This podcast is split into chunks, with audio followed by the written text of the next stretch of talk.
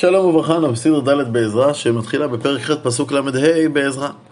את הסדרה הקודמת אה, סיימנו עם העלייה של עזרא עם מחנהו לירושלים, עלייה שהביאה איתה ממון רב שיועד לעבודת בית המקדש. הבאים מהשבי, בני הגולה, הקריבו עולות לאלוהי ישראל, פרים 12 על כל ישראל. שוב, עזרא מקפיד להקריב 12 פרים, לומר שיש כאן מעשה כלל ישראלי. הוא חי חיים של שליחות, הוא, הוא חש כשליח של כלל ישראל. אלים 96, כבשים 77, צפירי חטאת 12, הכל עולה לאדוני. ויתנו ידתי המלך לחשדרפני המלך ופחבות עבר הנהר, וניסו את העם ואת בית האלוהים. כלומר, הם מוסרים את הצו המלכותי שניתן לעזרה לכל החשדרפנים, כלומר לכל מושלי הפרובינציות בעבר הנהר, והם בתגובה ניסו את העם ואת בית המקדש. וככלות אלה, בהמשך נראה ש... אה, השיחה שעוד מעט תתבצע הייתה ארבעה חודשים לאחר שעזרא הגיע לירושלים.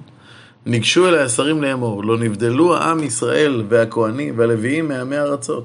כתועבתיהם לכנעני, החיתי, הפריזי, היבוסי, העמוני, המואבי, המצרי והאמורי, כי נשאו בבנותיהם להם ולבניהם, והתערבו זרע הקודש בעמי הארצות, ויד השרים והסגנים הייתה במעל הזה ראשונה.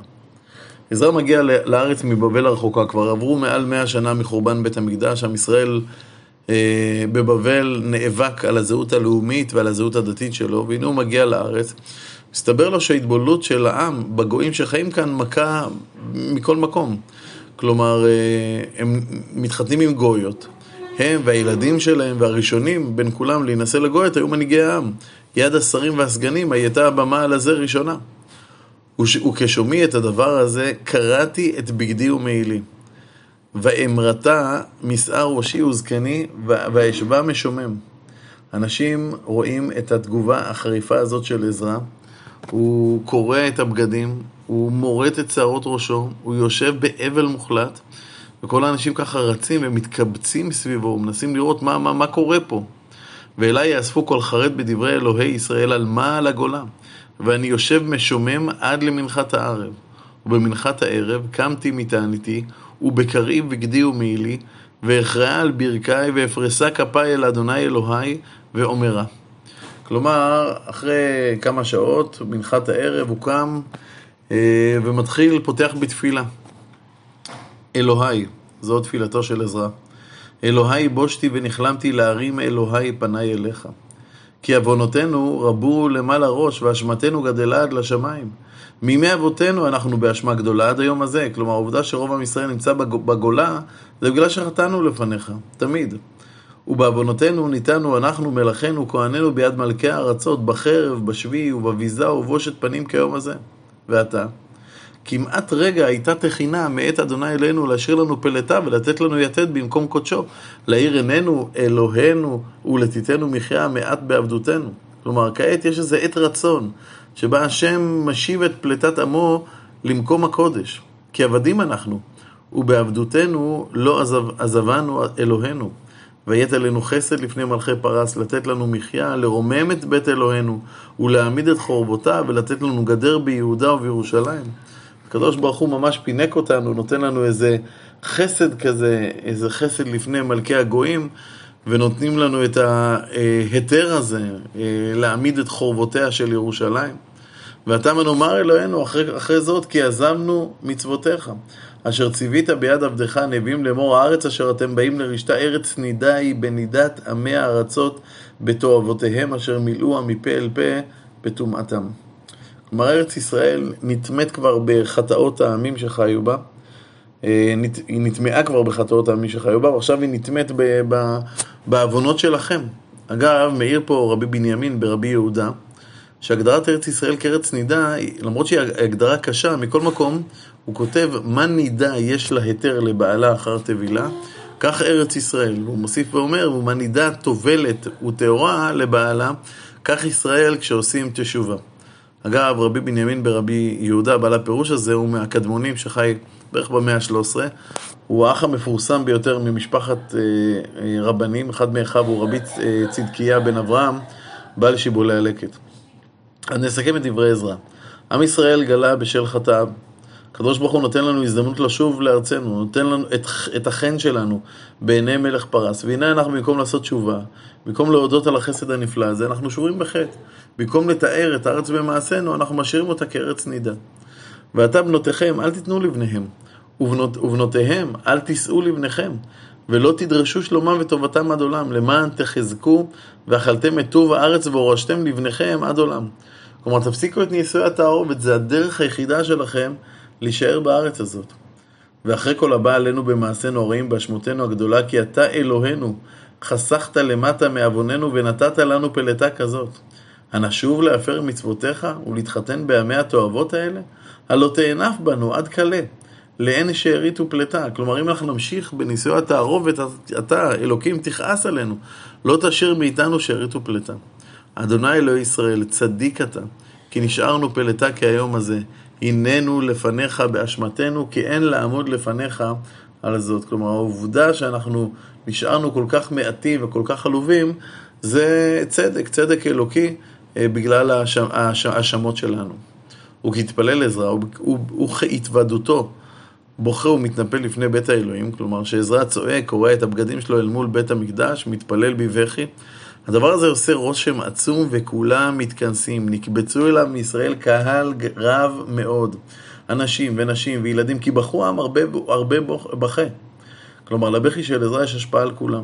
כל הציבור ששומע את דברי עזרא פורץ איתו בבכי.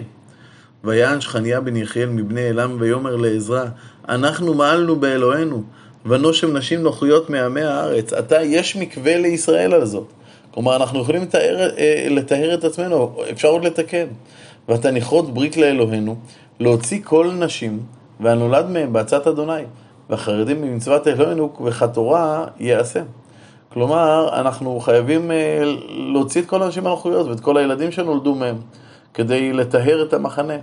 קום, כי עליך הדבר, ואנחנו עמך חזק ועשה. כלומר, מי שיכול לעשות את העזרה זה אתה, אתה יכול להוביל את זה, אנחנו כמובן נצטרף אליך. ויקום עזרא, וישבע את שרי הכהנים הלווים וכל ישראל לעשות כדבר הזה, וישבעו. ויקם עזרא מלפני בית האלוהים, וילך לשכת יהוחנן בן אלישיב, וילך שם לחם לא אכל ומים לא שתה כי מתאבל על מעל הגולה. ויעבירו כל ביהודה ובירושלים לכל בני הגולה להיקבץ ירושלים, וכל אשר לא יבוא לשלושת הימים כעצת השרים והזקנים, יוחרם כל רכושו והוא ייבדל מקהל הגולה. כן, מכריזים על כינוס של כל העם לירושלים. אמנם זה עד גשמים, אמנם זה חודש כסלו, כמו שנראה עוד מעט. אמנם ההתראה מאוד קצרה, שלושה ימים, והדרכים מלאי בוץ. אבל עת צרה יעקב, ואין לאיש להיעדר מהכינוס החשוב. ומי שלא יגיע, יחורם כל רכושו והוא יצא מכלל ישראל. ויקבצו כל אנשי יהודה ובנימין ירושלים בשלושת הימים, וחודש התשיעי ב-20 לחודש, כלומר בכ' בכסלו. וישבו כל העם ברחוב בית האלוהים מרעידים על הדבר ומהגשמים. כלומר, הם כולם רועדים. הם גם רועדים כי רעידת אדמה עומדת ליפול עליהם. הם ודאי שמעו שמועות על הסיבה שבגללה הזעיקו את כולם. שלמות המשפ... של משפחות רבות בעצם עומדות עכשיו בסימן שאלה. מעבר לזה, הגשמים מכים בהם בזמן שהם עומדים צפופים ונזופים, מצפים לעזרה. ויקום עזרא הכהן ויאמר אליהם, אתם מעלתם, ותושיבו נשים נוכריות להוסיף על אשמת ישראל. ועתה, תנו תודה לאדוני אלוהי אבותיכם, ועשו רצונו, ויבדלו מעמי הארץ ומן הנשים הנוכריות, ויענו כל, הע... כל הקהל, ויאמרו קול גדול, כן כי דבריך עלינו לעשות. אבל העם רב, והעת גשמים, ואין כוח לעמוד בחוץ, והמלאכה לא ליום אחד ולא לשניים, כי הרבנו לפשוע בדבר הזה. כלומר, זה לא מעשה של משפחה אחת או שניים. יש כאן מכת מדינה, המון אנשים נשואים אה, בנישואי תערובת, והתהליך הזה מורכב עם כל כך הרבה משפחות, ולכן הוא דורש זמן רב. יעמדו נסרינו לכל הקהל, וכל אשר בערינו ההושיב נשים נוכריות, יבוא לעיתים מזומנות, מזומנים. ועמהם זקני עיר ועיר ושופטיה, עד להשיב חרון אף אלוהינו ממנו עד לדבר הזה. כלומר, בואו נעשה איזה סדר, שהשרים ו... ו- בעצם יעברו בין הערים, כל עיר שיש שם נישואי תערובת, ו, ונתקן את זה, אבל זה, זה, זה תהליך, זה לא עושים את זה עכשיו. אך יהונתן בן עשאל ויחזיה בן תקווה עמדו על זאת, ומשולם ושבתאי הלוי הזרום. על ההבנה של הפסוק הזה נחלקו הפרשנים. המצודות אומר שיונתן בן עשאל ויחזיה בן תקווה היו מראשי האנשים שמיהרו לדאוג שאכן אנשים יגרשו אה, את נשותיהם הגויות. אבל המלבים, או, וגם הפירוש המיוחס לרש"י ועוד, סוברים ששני אלה היו אופוזיציה של עזרא. הם עמדו על כך שהנישואים שלהם לגויות יישאר על כנו. ועזרו להם משולם ושבתאי הלוי. זה המלבים כותב שיש בהזכרה של המקנטרים הללו על עזרא משום שבח לישראל. כותב המלבים שלא עמדו נגד זה לקנטר על הדבר רק שני אלה. ושניים שעזרו, אבל יתר העם הסכימו לזה. כלומר, העובדה שהוא מזכיר בשמות את אלו שיוצאים כנגד עזרא, מלמד עד כמה שההתנגדות לעזרא הייתה קטנה. עכשיו, המעשה הזה של פירוק משפחות, מעשה נורא וקשה, ובכל אופן הוא זוכה להסכמת העם. זה מלמד על העוצמה הרוחנית שהקרין עזרא הסופר, עוצמה שהובילה עם שלם לתיקון כל כך קשה. ויעשו כן בני הגולה ויבדלו עזרא הכהן אנשים, ראשי האבות לבית אבותם כולם וכולם בשמות. וישבו ביום אחד לחודש העשירי לדריוש הדבר. המילה לדריוש יש יוד מיותרת, ככה פרשנים אומרים. משמעות המילה לדרוש, כלומר עזרא הכהן ואנשים מראשי העם הבדילו את הנשים הנוכריות מתוך העם באלף לחודש טבת, וכל זה היה אחרי דרישה וחקירה של, אה, של כל מי שידו הייתה במעל ההתבוללות. כלומר, זה היה בערך עשרה ימים לאחר אותו כינוס גדול בירושלים. והחלו בחול אנשים ההושיבו נשים נוכריות עד יום אחד לחודש הראשון. כלומר, כל התהליך הזה נמשך עד א' בניסן, כלומר, שלושה חודשים שבו אנשים עוברים, הזקנים, האנשים החשובים, השופטים עוברים ובודקים ו- ועושים את התהליך הזה של הגירוש אה, אותם נשים. כעת יש לנו את רשימת האנשים שהיו צריכים לשלח לנשים נוכריות איתם הם חיו. וימצא מבני הכהנים אשר הושיבו נשים נוכריות בבני יהושע בן יהוצדק, ואחיו מעשה ואליעזר ויריב וגדליה. כלומר, זה לא היה רק אצל פשוטי העם, זה היה גם אצל הכהנים.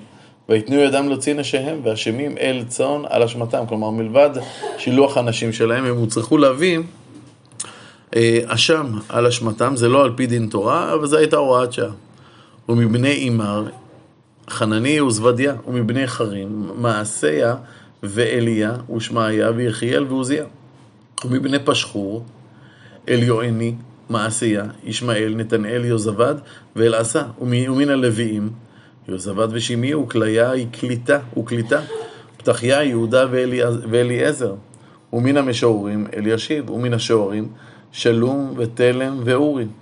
ומישראל, מבני פרוש, רמיה ויזיה ומלכיה, ומימין ואלעזר ומלכיה, ובניה, ומבני אלם, מתניה, זכריה ויחיאל, ועבדי וירמות ואליה, ומבני זתו,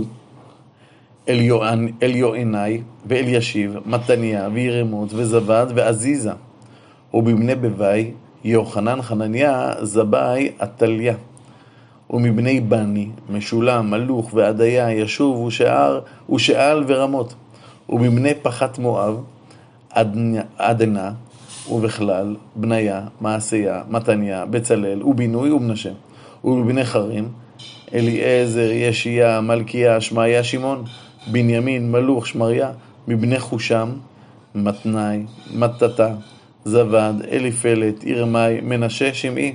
מבני בני, מעדי, אמרה ואואל, בניה, בדיה, כילו, בניה, מרימות, אלישיב, מתניה, מתני ויעשי, ויעשי. ובני ובינוי ושמעי ושלמיה ונתן ועדיה מחנדבי ששי שריה. עזריהו, עזראל ושלמיהו, שמריה, שלום, אמריה, יוסף. כלומר, אנחנו רואים פה אה, שמבני בני יש אה, חבורה גדולה שמתחתנת עם גויות. מבני נבו, יעל, מתתיה, זבד, זבינה, ידי ויואל, בניה.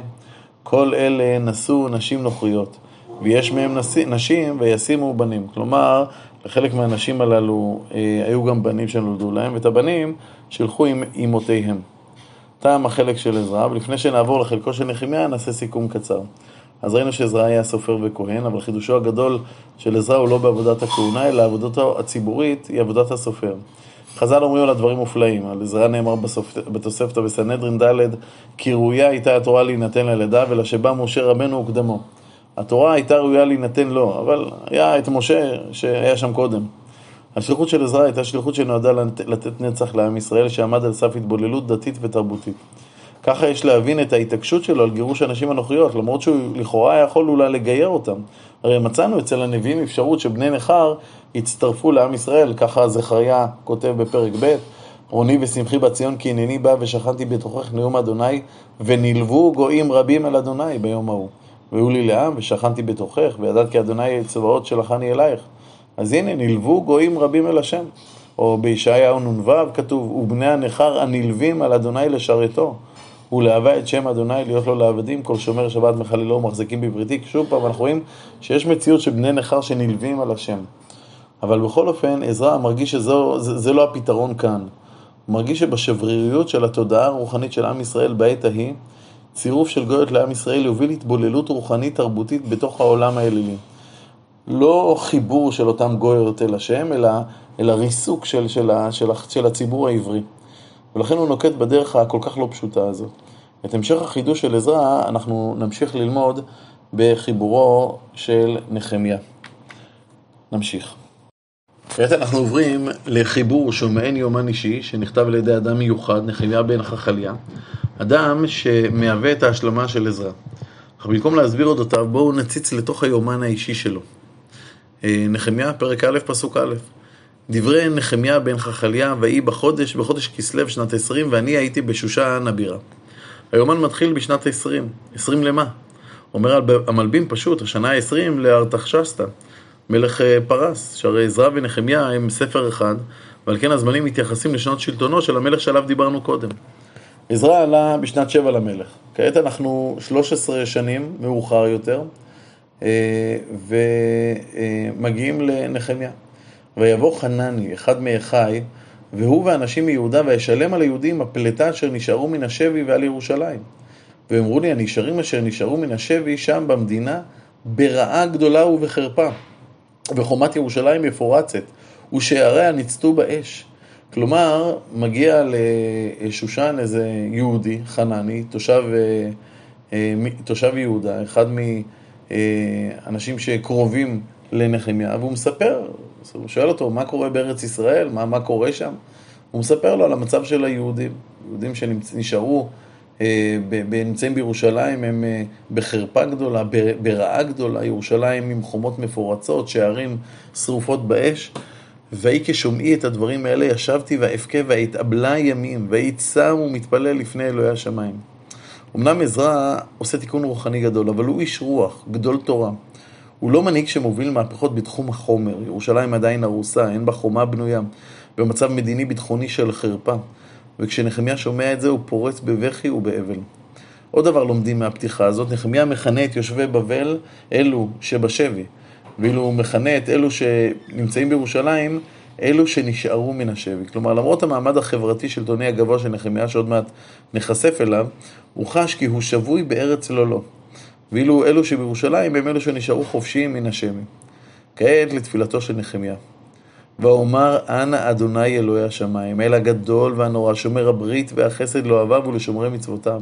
תהיינה אוזניך קשבת ועיניך פתוחות לשמוע על תפילת עבדיך, אשר אנוכי מתפלל לפניך היום, יומם ולילה, על בני ישראל עבדיך.